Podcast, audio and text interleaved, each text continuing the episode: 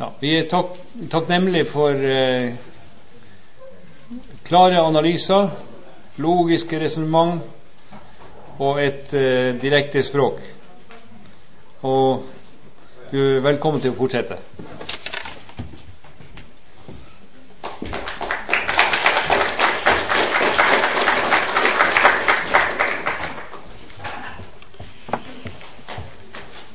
Ja, da har vi eh, sånn nesten frem til klokken fem, så det skulle vel holde.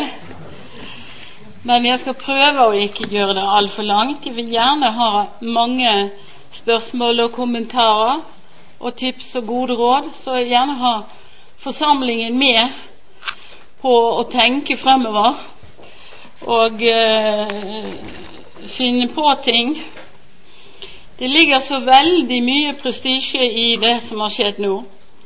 Fra departementer, regjering og de forskjellige partipolitiske partier.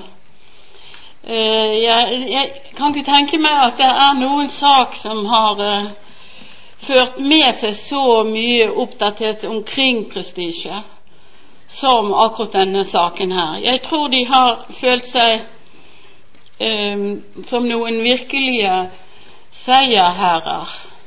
Altså en slags eh, trium... De har triumfert. De har følt seg veldig store. Og det er jo en av forklaringene på at de feiret på Operataket. Det at de følte seg så veldig store. Det er jo de som er noe, som lager sånne fester. Og eh, Så det å, å rokke ved dem, det krever at man må gå imot deres prestisje, og kanskje man må klare å ødelegge den. Og det kan man kanskje bare klare ved at man forteller dem hvor mye tøv, kaos og ondskap og galskap som ligger i dette. Så alle steder der man kan, så må man kanskje eh, gå løs på dem. Det ligger også nå er egentlig en ganske lang historie uh, i dette, i hvert fall siden jeg begynte å skrive det, ca. to år siden nøyaktig. Så jeg har brukt to år av mitt liv på dette, syns jeg. Uh, det ligger har bygget opp en veldig fordømmelse av kristne i disse årene, og det har jo vært før òg. Men det er en vedtatt sannhet da, på Stortinget, blant stortingsflertallet, vel å merke, at kristne det er noen fordømmende mennesker, full av mørkesyn og full av alt som er negativt. Man har øst det over kristne hoder i en grad som er helt ufattelig også fordi at eh, som få har tatt til motmæle mot denne beskrivelsen. Ikke biskoper, ikke mange prester, ingen som har gått frem til forsvar for det kristne mennesket. En av de som sjikanerte meg, har sjikanert meg mest i denne debatten, er en homofil religionshistoriker som heter Ensjø. Han har brukt ordet kristen som om det er et skjellsord i seg selv. Bare fordi jeg har en kristen tro, men jeg er jo ikke medlem i noen kirke, så er det altså tilstrekkelig å si for han at jeg er kristen, og dermed så har han stemplet meg. Så kristne har fått en rolle som Norges jøder. De skal kunne sjikaneres, mobbes, hetses, og så skal de gå med bøyd nakke, skal de være ydmyke, og så skal de fortelle om hvor tolerante de er, og at de egentlig er glad i alle like mye, og at alle skal være like velkommen der hvor de er. Selv det som er ondskap og destruktivt, skal kristne tolerere i sine egne forsamlinger og sine egne sammenhenger. Så det er noe med det at kristne altså må ut av dette bildet og ikke finne seg i det tøvet som de holder på med. Man må protestere. Og det er noe av det jeg skal snakke om nå. Altså personverdighet for både barn og kristne.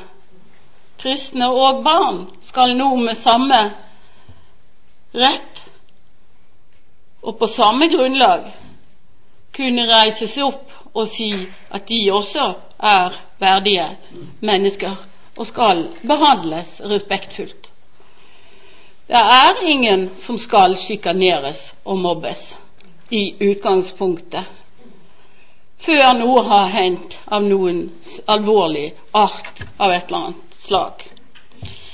Men La meg først si litt om personbegrepet, som jeg har brukt veldig mye i det jeg har skrevet. Først i boken 'Det elskende mennesket', og også i den siste boken, som heter det for den forrige boken, som heter 'Det innerste valget'. Det er veldig vesentlig å forstå tankens utspring. Hvor kommer tanker og følelser fra? Moral, visjoner, verdier. Alt det som er vesentlig og viktig i sånne sammenhenger som dette, og andre òg. Jo, det kommer fra personen. Det er alltid personer der som mener noe, føler noe, tenker noe. Det er noen som har en personlighet, en åndelighet. Det er noen som har en forståelse av verden. Og noen liker å kalle dette for subjektivt. Jeg oppfatter at det personlige går over det subjektive fordi det står i en spesiell sammenheng. I personalismen er Gud den høyeste personen. Gud som person er veldig vesentlig. Jesus Kristus er jo den eksemplariske person. Hans væremåte, hans eh, reaksjoner, hans direkthet, hans tydelighet, hans vilje til å følge det kallet han hadde fått, ha et mål i sitt liv, det er alt jeg oppfatter og forbinder med personen. Og det er den formen for menneskelighet som er det man må fremme i et kristent samfunn. Det er en det er en væremåte vi kan si at vi kan velge denne væremåten. Vi kan si at vi kan skjule den hjemme oss. Eh, vi kan ha en fasade. Vi kan spille roller. Vi kan opptre upersonlig og apersonlig og glemme at vi er personer. Jeg tror at de fleste kan gjøre det ganske lenge, og at i vårt samfunn og i vår kultur så er det det apersonlige og det upersonlige som blir øh, verdsatt høyest. Det personlige er for mange noe som de er litt redd for. Og det er jo farlig òg. For det personlige, det er å være ansikt til ansikt med andre. Det er å stå der som den du er, og ikke noe annet. Det er å stole på at det du tenker, det du føler, det du har som verdier, at det er noe som går an å legge frem, og som kan både begrunnes og forsvares. Vi lever i en kultur hvor det personlige ofte er det vi skal undertrykke fordi vi skal leve opp til en, et massesamfunn, bestemte roller og bestemte oppfatninger av forskjellig slag. Men de fleste vet jo at de er personer likevel. Alle er jo personer for seg selv, veldig ofte. De vet at de er personer, men de lurer på om de tør å være det. Vi vet at vi er personer når vi er sammen med mennesker vi er glad i, våre venner. på det nære planet. Vi vet at vi er personer når vi plutselig rammes av noe som vi ikke kan flykte fra. Når vi plutselig står der og har mistet noe, blitt syke, et eller annet. Det som er det plutselige i livet, det minner oss alltid på at vi er, vi er personer, og nå må vi se hva vi er, hvem vi er. Vi har eh, veldig mange møter i det daglige hvor vi klarer å være personer, tror jeg, for de fleste. Mange øh, synes at dette er for tungt hvis de er i sånne upersonlige, apersonlige miljøer. For da kan de oppleve at det er de alene som skal stå for det som er riktig og sant og godt. Det gode, det sanne og det skjønne er jo personens verdier. Og så syns de kampen blir for tung.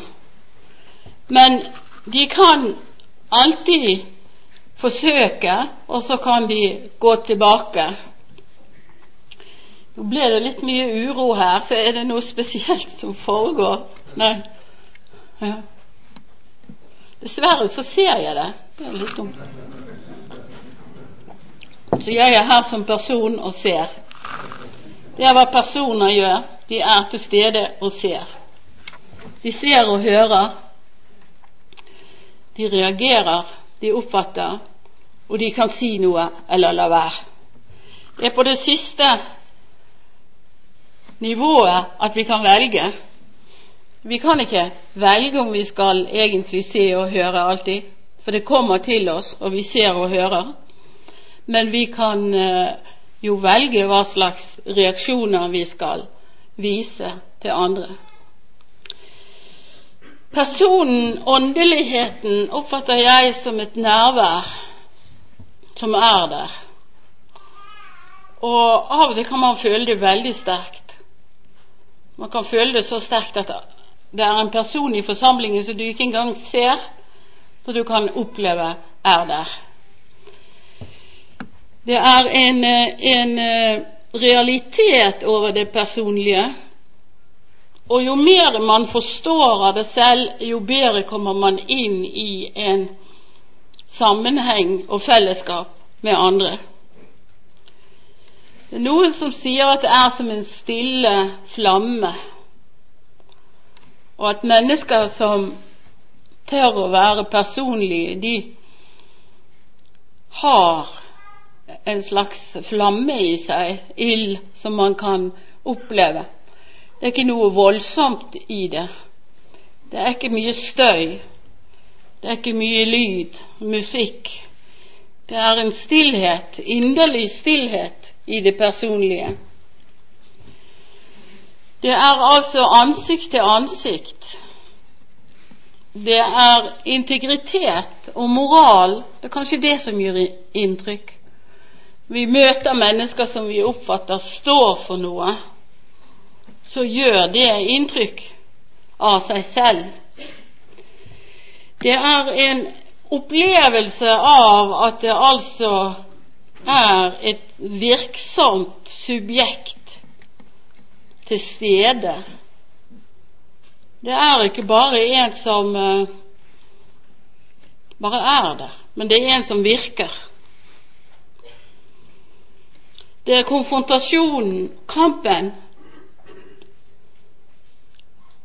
Hvis det er slik at vi alltid møter det upersonlige og det apersonlige, og veldig ofte, så må vi hele tiden holde oss selv sammen og kjempe for å uttrykke det personlige, hvem vi er. Det er moral i det. Det var litt vondt, det lyset. Går det an å gjøre noe med det? Det, er underkanten, så det er litt vanskelig. Å ja. Det er det litt Det er det, ja.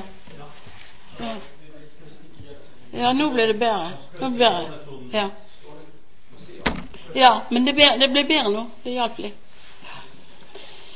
Men Moralen kommer først i personen. Personen er aldri nøytral. For personen har alltid et standpunkt. Det har alltid en kamp. Kampen for å uttrykke seg som person, og kampen for å se de andre.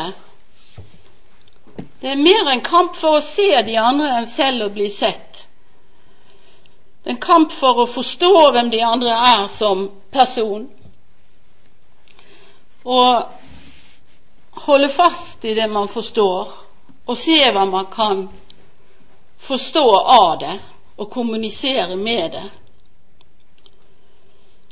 Moralen Jeg har noen ganger prøvd å skrive tekster uten verdier.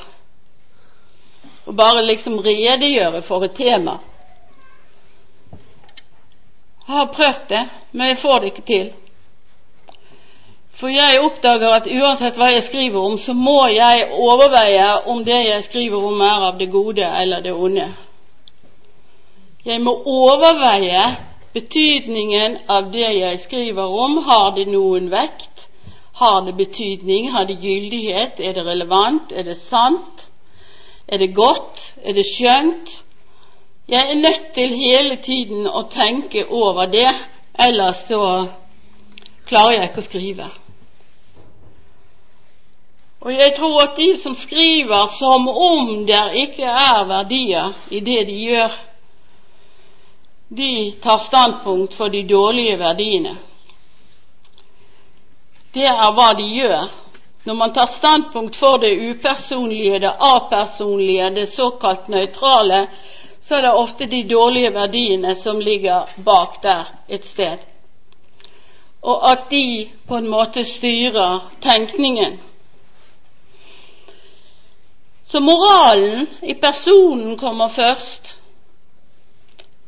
Så det viktigste mennesker skal tenke over, det er jo selvfølgelig sin egen moral. Vil man vite hvem man er som person, så skal man sette seg ned og tenke over hva slags moral man har. Altså personen er den moralske strukturen i den enkelte.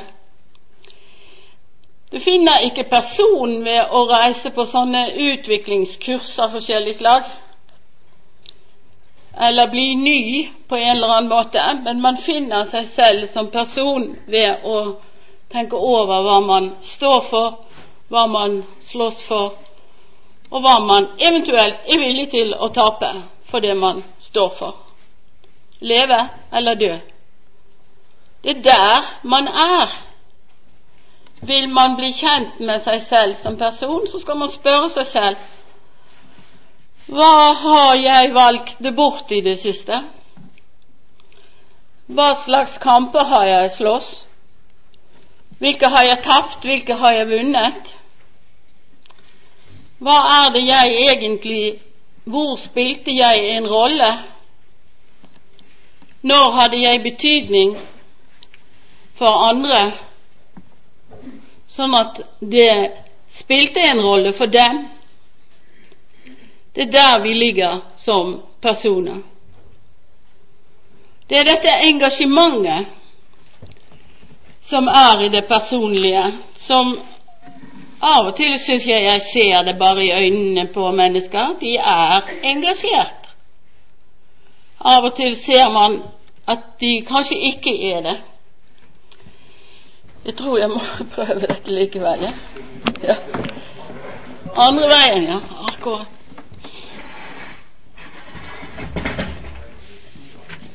Det var litt Sånn. Flott. Flott. Takk. Takk. Takk. Takk. Det var deilig. Det er godt med lys, men ikke alltid i øynene. Vi må altså tenke over dette engasjementet som ligger i det personlige, og være til stede der som et vitne, ikke som en som er, holder nødvendigvis veldig lange innlegg om tragedier i den tredje verden. Det kan òg være av betydning, men det er nærværet vi skal observere, det som skjer der hvor vi er Og det er der vi skal være engasjert, og det er det vi skal kunne vitne om. Og da kan vi tenke på vitne i mange sammenhenger, som f.eks. hvis politiet har bruk for et vitne. Det er jo ofte interessant at uh, vi kan gå rundt og, og, være så lite engasjert at vi ikke engang oppdager det onde og vanskelige som skjer i uh, våre egne omgivelser. Så vi skal være årvåkne og skarpe, sånn at vi har sansene med oss og oppfatter det som foregår. Være konsentrert og forstå det som skjer, og heller dumme oss ut fremfor å overse det som vi tror kan være et problem. Vi skal kunne vitne sånn at vi altså kan snakke sant en, på en enkel måte om hva som hender, og som, øh, hvordan vi forstår det. Bevitne vi skal være til stede og oppfatte. Vi skal også kunne fortelle om sannheten generelt for å være personer. Vi kan ikke gå døve og stumme rundt hvis vi vil beholde vår personverdighet. Personen er en livsform, en væremåte. Det er et et uh, svar på verden, omgivelsene rundt oss, sånn at vi altså kan si ja, jeg er her, jeg fulgte med, og jeg har forstått, og jeg er villig til å fortelle sant så godt jeg kan om alt det jeg oppfatter. Personen er da denne moralske verdigheten ligger her, først for meg. Det er du skal kunne kreve, Når du krever å behandles som person, så krever du å bli behandlet som en som kan snakke sant. Og en som kan snakke sant på en sånn måte at det er altså lov å si selv det som andre ikke nødvendigvis syns er sant, eller som de er enig i. Men respekten for personen, det er respekten for at denne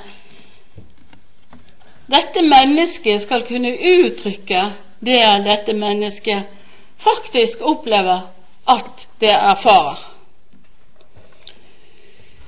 Verdigheten ligger i det at du altså skal kunne få denne respekten fra andre, og at du krever den fra deg selv.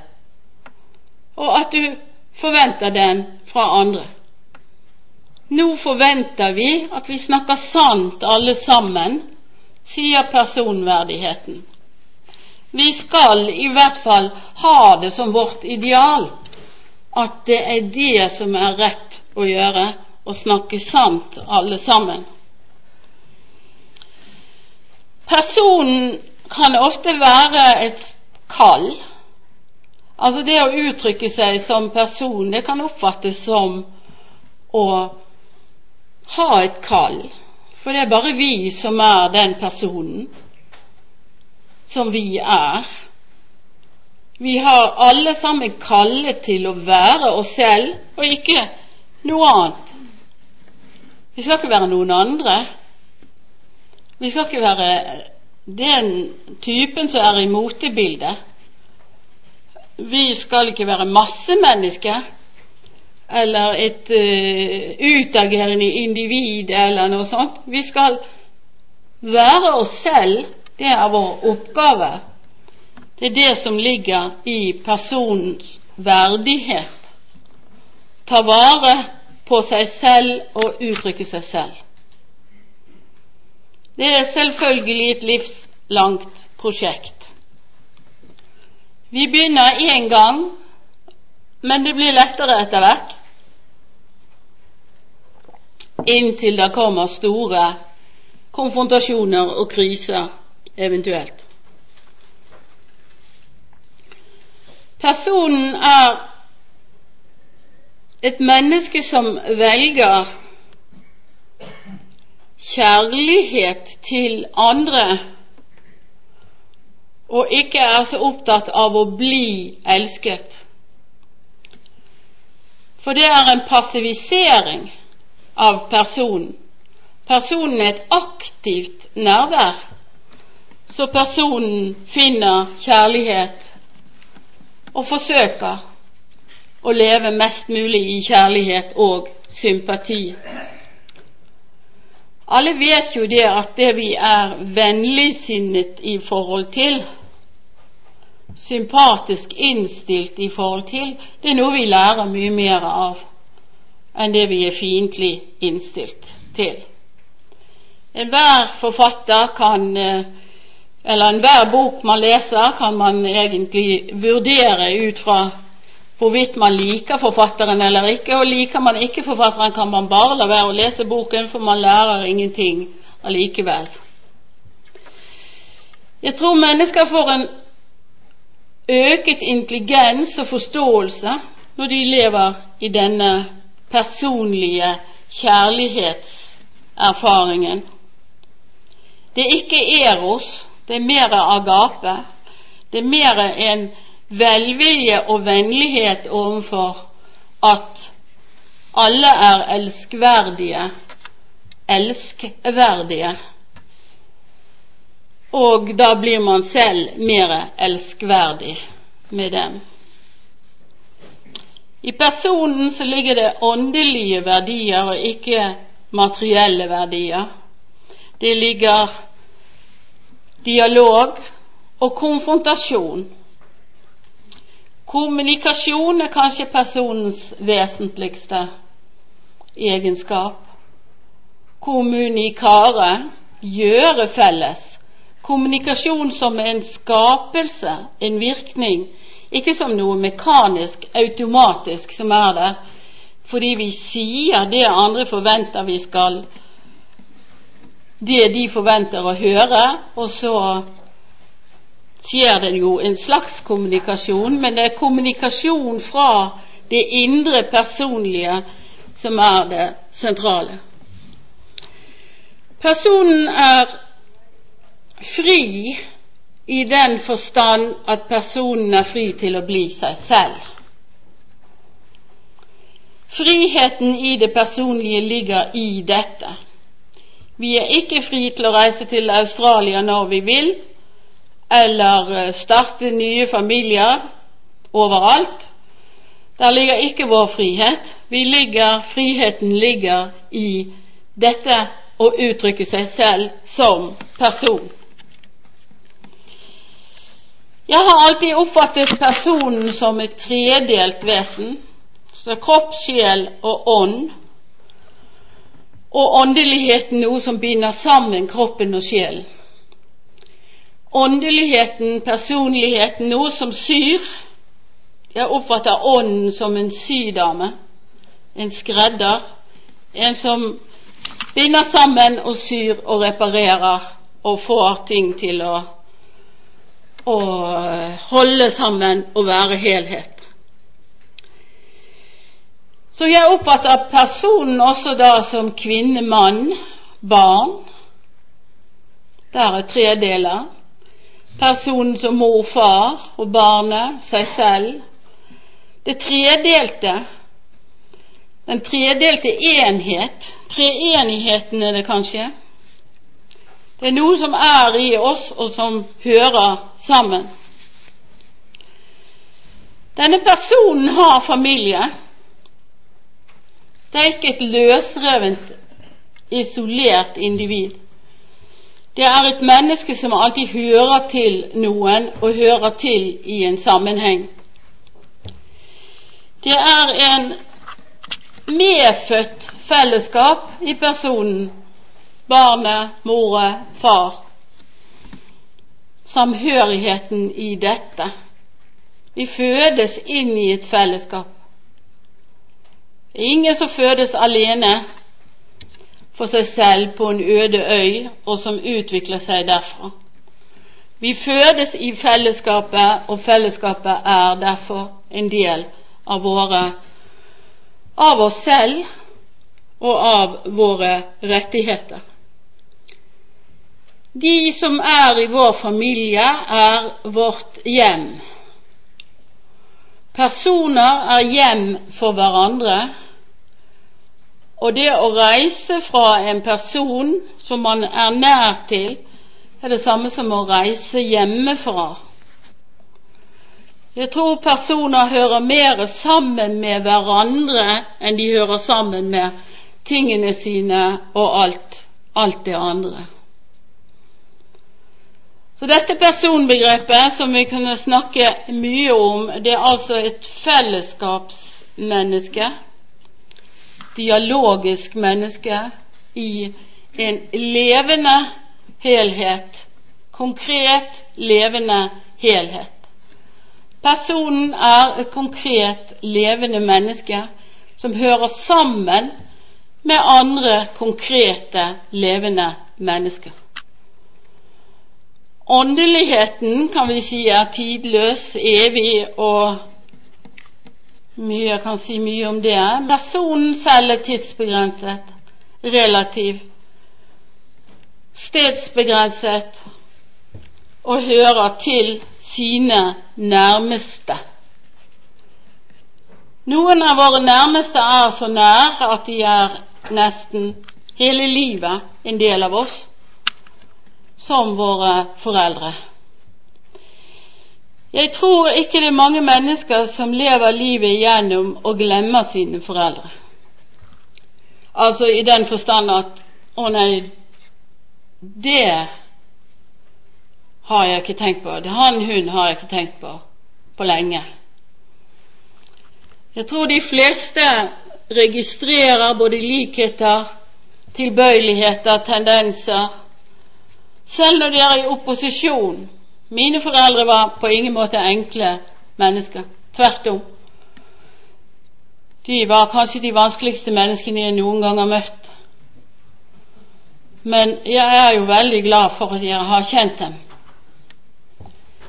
Jeg vet hvem de er. Og det er stadig jeg tenker at nå lever jeg egentlig sånn som både mor og far levde. Det skal ikke gå i detalj, men der er det alltid noe der. Det er akkurat som de gjør seg gjeldende. Enten man tenker på dem eller ei, så gjør de seg plutselig gjeldende. De kommer i et speilbilde, eller de kommer 'Å, nå lignet jeg.' Hva? Ja, det kunne vært henne eller han. Nå gjør jeg det min far gjorde. Min far var en veldig flink sjakkspiller. Og når jeg holder på med alle mine argumenter, så tenker jeg på han. Det ville han likt. Alle som kjenner sine foreldre, vet hva dette er. Det er en evig samhørighet som er der av seg selv. Menneskerettighetene bygger på dette menneskesynet her, på personbegrepet. Alle de som skrev, var med og skrev menneskerettighetene, de hadde dette personbegrepet. Noen av dem var faktisk personalister. Alle var kristne, alle var troende. Noen kom fra andre religioner, og det er jo hovedgrunnen til at det ikke er nevnt noe om eh, kristendom eller andre religioner i menneskerettighetene. Det ble skrevet i 1948 for å forene alle verdens land. Og man tok essensen i kristen og religiøs tenkning fra de medlemslandene som var med og skrev og forfattet menneskerettighetene.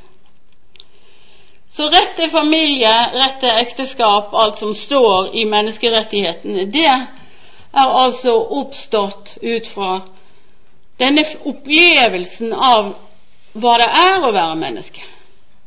Være en del av en familie.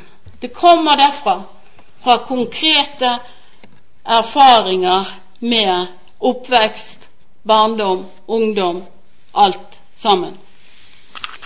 Så det viktigste i menneskerettighetene, det er jo rett til familie, rett til gjenforening, rett til stiftefamilie og alt som har med dette å gjøre.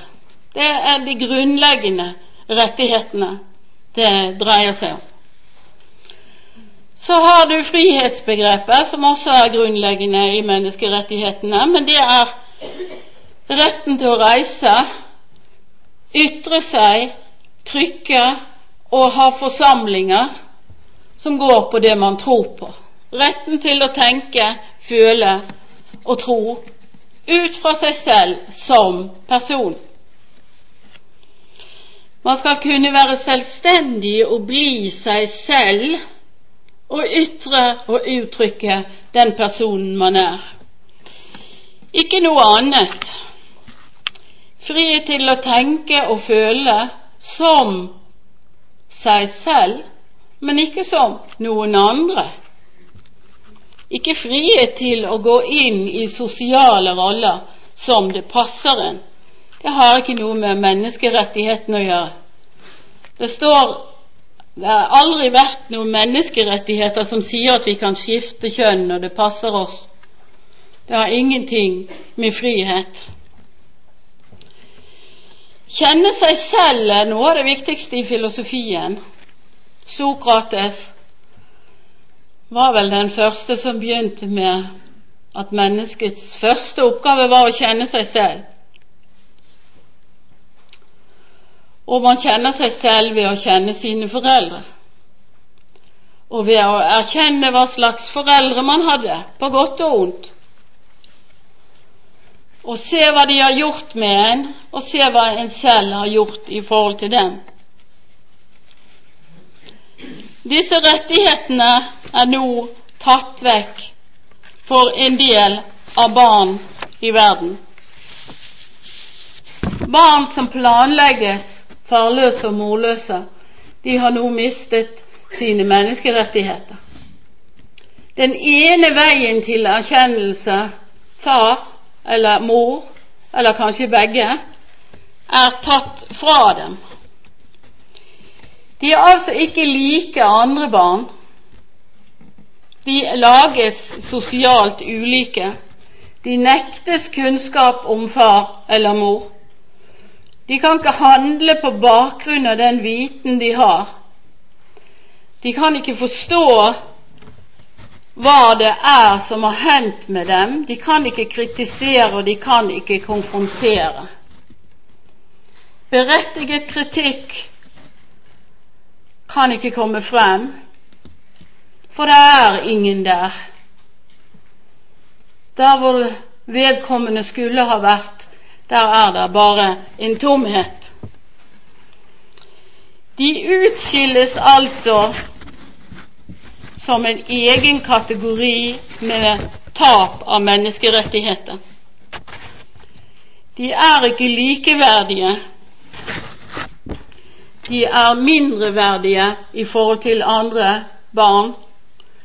De blir sett på som noen som ikke har samme reaksjonsmønster og livserfaring som alle andre barn har.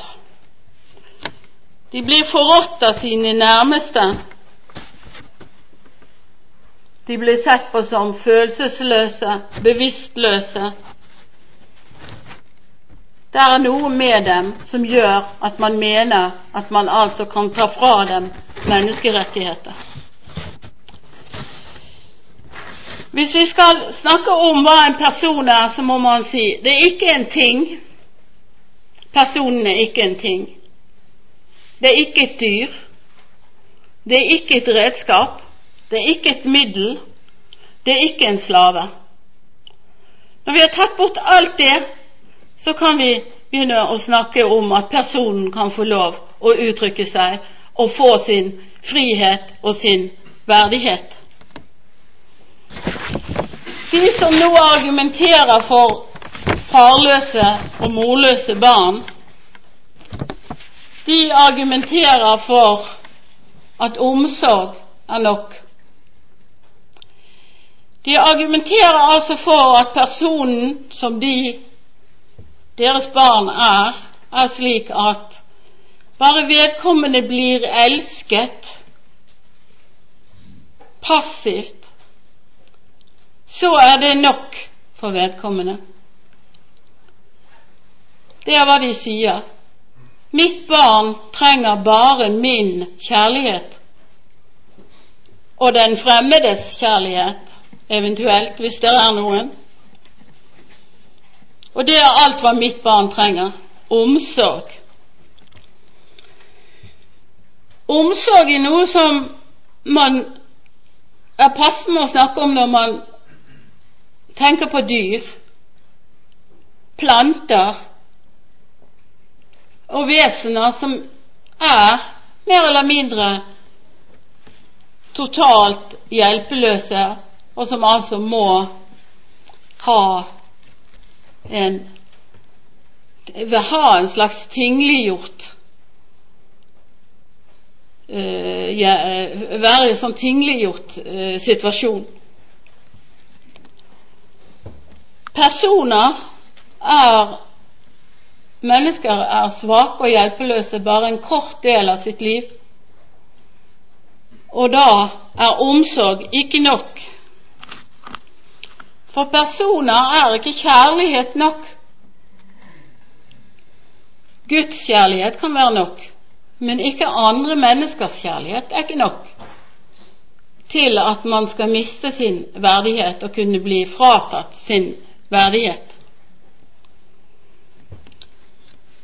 Det er iskaldt å si at mine barn trenger bare min omsorg. Det er iskaldt og hjerteløst. For det er å si at mitt barn er en ting, et redskap, et middel til at jeg skal trives og ha det det jeg syns er bra.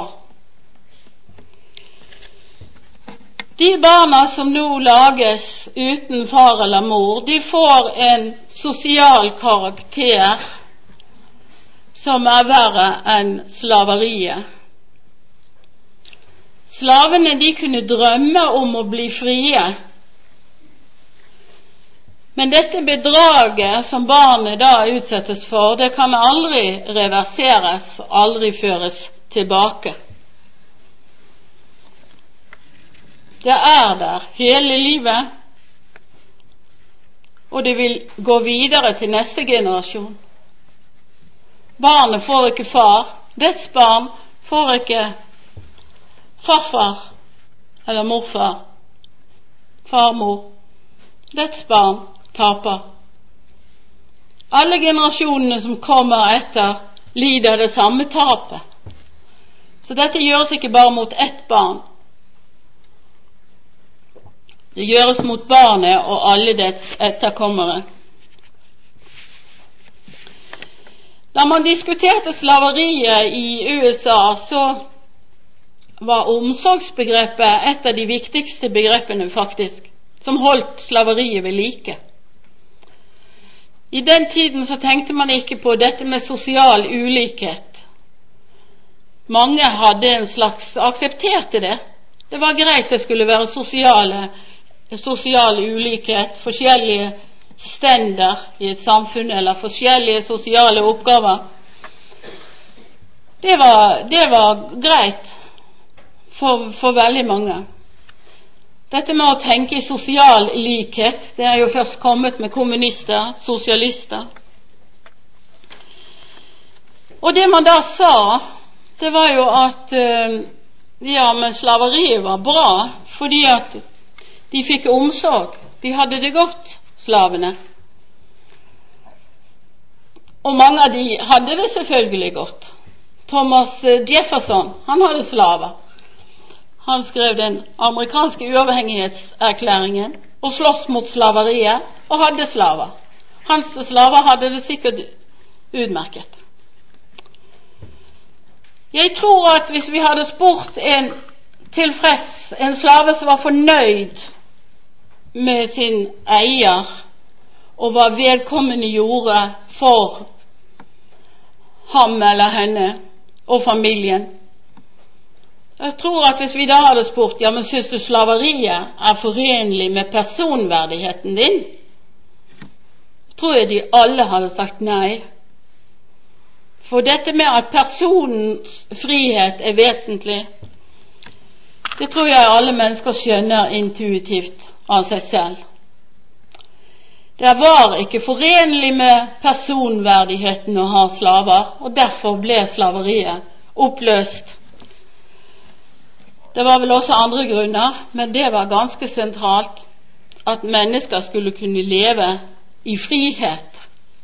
Heller, ville man sagt i våre dager, heller være en ulykkelig, nedbrutt, engstelig, deprimert, fri person enn en lykkelig slave. Det er jo sånn vi tenker. Heller være fri til å gå og kjøpe seg narkotika i 12-13-årsalderen enn å være utsatt for noen form for tvang. I vårt samfunn setter vi frihet veldig høyt, men nå har vi altså gått for, vekk fra det prinsippet. Friheten gjelder ikke lenger for barn som blir planlagt farløse og morløse. De vil være begrenset i sin sosiale rolle. De vil være begrenset i den erkjennelsen de kan komme frem til om seg selv.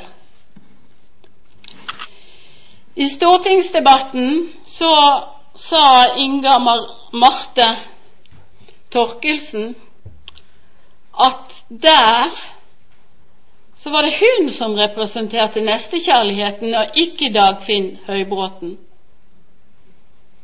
Det syns jeg var veldig godt sagt. Og det var helt tydelig at hun ikke skjønner hva nestekjærlighet er. For nestekjærlighet er at man skal gjøre mot andre det man vil at de skal gjøre mot en selv, eller formulert på negativt, negativt versjon. Man skal ikke gjøre mot andre det man ikke vil andre skal gjøre mot en selv. Og Inga Marte Torkelsen, hun sa ikke det at hun gjerne ville hatt en sædklatt til far. Det var ingen av de som deltok i debatten, som sa det at de gjerne skulle ha vært i den situasjonen som de påførte disse, har påført disse barna nå, med norsk stats velsignelse. Det som ingen ønsker for seg selv, hvor mange ville ha ønsket det? La oss si vi tok en uh, spørreundersøkelse. Ville du ønsket å ha hatt en, uh, et egg til mor og en sædklatt til far, og ellers vokst opp i et koselig hjem med fine møbler og alle materielle muligheter? Nei, jeg tror ikke mange som hadde sagt ja til det. Men det som ingen ønsker for seg selv, det er altså nå blitt norsk lov. Og det burde jo ikke kunne brukes som norsk lov når man ingen ønsker dette for seg selv. Så kan man ta mor og far fra et barn. Hva kan man da ta fra voksne? Det er altså spørsmålet. Det må være resten av menneskerettighetene, familien, gjenforening og nasjonalitet. Det er kanskje det er det, det som vil bli lettest, best sammenlignbart. Hvis man nå nekter mennesker å få lov til å vokse opp i sitt eget land og f.eks. begynner med etnisk rensing. tar fra dem deres opphav. Vårt land er jo også til en viss grad vårt opphav. Kanskje det er det som skal til for at folk skal skjønne hva som nå har hendt. For det som da er faktum, det er at FNs barnekonvensjon den gjelder ikke lenger for disse barna. De har ikke rett til å vokse opp med far og mor, så det er fratatt dem. FNs barnekonvensjoner gjelder ikke for vikarforeldre. Det gjelder ikke for medmor og medfar og foreldrerepresentanter av denne typen. Menneskerettighetene gjelder bare hvis de baseres på familien. Jeg tror at det er mange som uh, ikke forstår at de med dette svekker hele den tenkningen som har bygget opp menneskerettighetene i FN og i det internasjonale samfunnet. Jeg oppfatter dette som en forbrytelse mot menneskeheten. Og vi kan jo òg si at Jesus sa at det dere gjør mot en av mine minste, det har dere også gjort mot meg. Så man har tatt fra Jesus, Far i himmelen, med dette. Her er gjort en serie med feil når det gjelder ulike behandling. Først har man altså sagt at homofile er diskriminert fordi de ikke kan gifte seg, men det er aldri noen som har påvist at de er diskriminert fordi de ikke har levd i ekteskap. Det er ikke en målbar form for diskriminering. Det er aldri noen engang som har prøvd å argumentere for hvorfor dette er sant. Man har bare vedtatt at det er sant. Så har man altså ulikebehandlet to eh, likebehandlet to typer par som er veldig ulike, heterofile og homofile, og føyset dem inn i samme lov. Det er også galt i forhold til menneskerettighetene. Man skal likebehandle det som er likt, og man skal ulikebehandle det som er ulikt. Det er to sider av samme sak. Så har man altså gitt partnere rettigheter til å samtykke som ektepar ikke har fått. Så har man altså ulikebehandlet en del barn som skal lages farløse og morløse, og gi dem en, et livslangt tap og en varig varekarakter som de ikke kan komme ut av. De kan ikke drømme om frihetens time, sånn som slavene kunne. De kan nesten ikke drømme i det hele tatt. Så har man gjort en grov urett mot troende, som altså nå er blitt påført et ekteskap som ikke samsvarer med deres tro. Ikke bare at det er eh, litt galt i det, eller at det er noe som nesten kan brukes, eller noe sånt, men det strider stikk i strid med troen. Det går stikk i strid med den kristne tro, og det ekteskapet vi har fått, det passer bare for humanetikere, sosialister, arbeiderpartifolk, dvs. Si noen av dem, for jeg tror jo Arbeiderpartiet en gang hadde stor sans for å beskytte familien. Så egentlig hva som har hendt med dem, det skulle vi gjerne visst. Det er mange av de store sosialistiske forfattere som ville vri seg i sin grav hvis de visste om dette.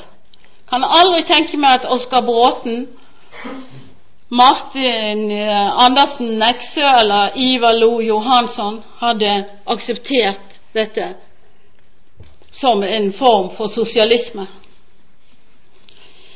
Det er en grov rett som er gjort mot kristne, og hvis kristne kan akseptere dette ekteskapet, så betyr det at de kan kritisere, eh, akseptere direkte angrep på kristendommen.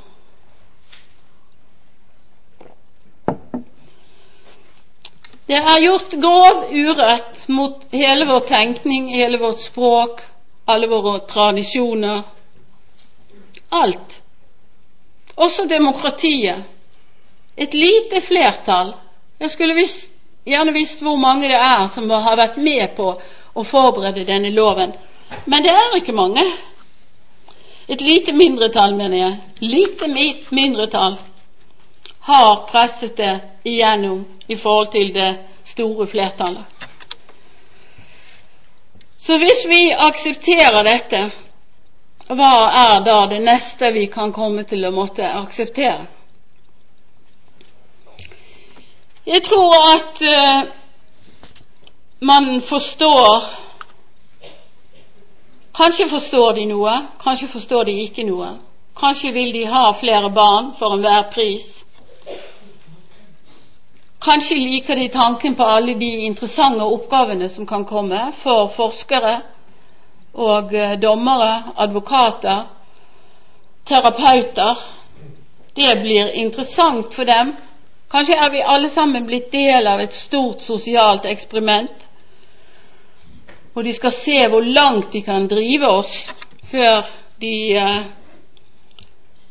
må gi opp.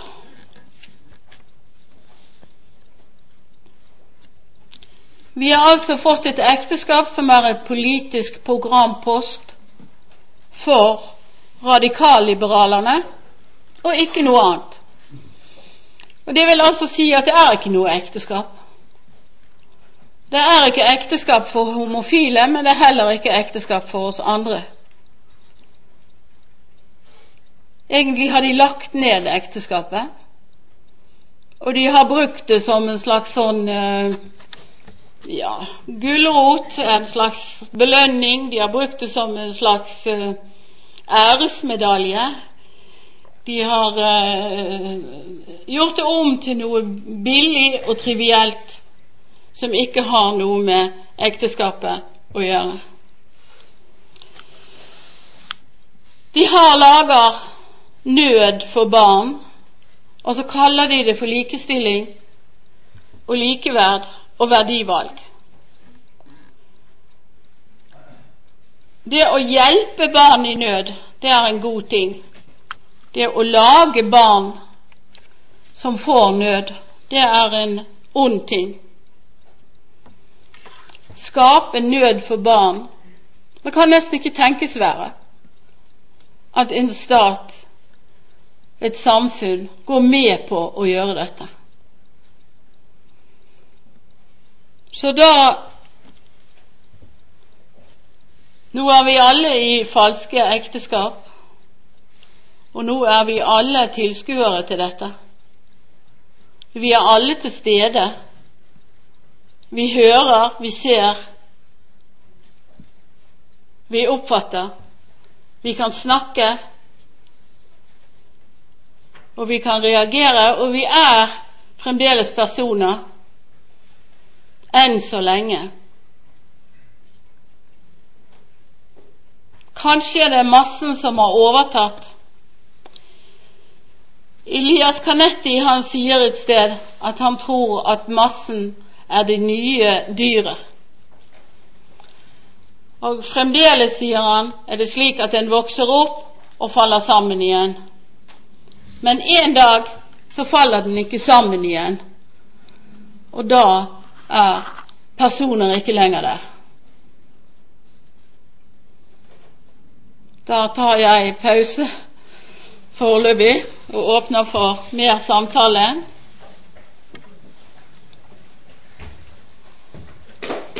Jeg håper det nå